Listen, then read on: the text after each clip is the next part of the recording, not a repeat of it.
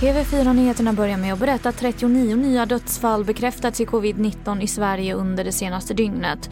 Och totalt har nu 5 161 personer avlidit i Sverige.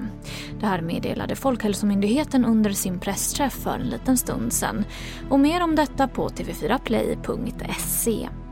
Vi går vidare till Strömsfors utanför Boliden där en treårig pojke har försvunnit. Han ska ha varit borta sedan klockan 11 och polisen har dragit igång en sökinsats med flera patruller och även helikopter. Han är ungefär en meter lång, mörk hy och vid försvinnandet så bara en blå shorts och en vit t-shirt. Eh, och vi vill såklart ta in iakttagelser om man har sett den här pojken och då får man gärna ringa oss direkt via 112. Det sa Liv Fahlén som är presstalesperson på polisen Region Nord.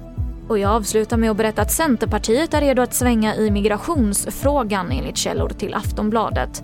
De vill bland annat ha stramare regler för familjeåterförening och ett så kallat volymmål. Ett riktmärke på hur många asylinvandrare Sverige ska ta emot årligen. Och det här skulle innebära att partiet närmar sig Moderaterna, Kristdemokraterna och Sverigedemokraterna i migrationsfrågan.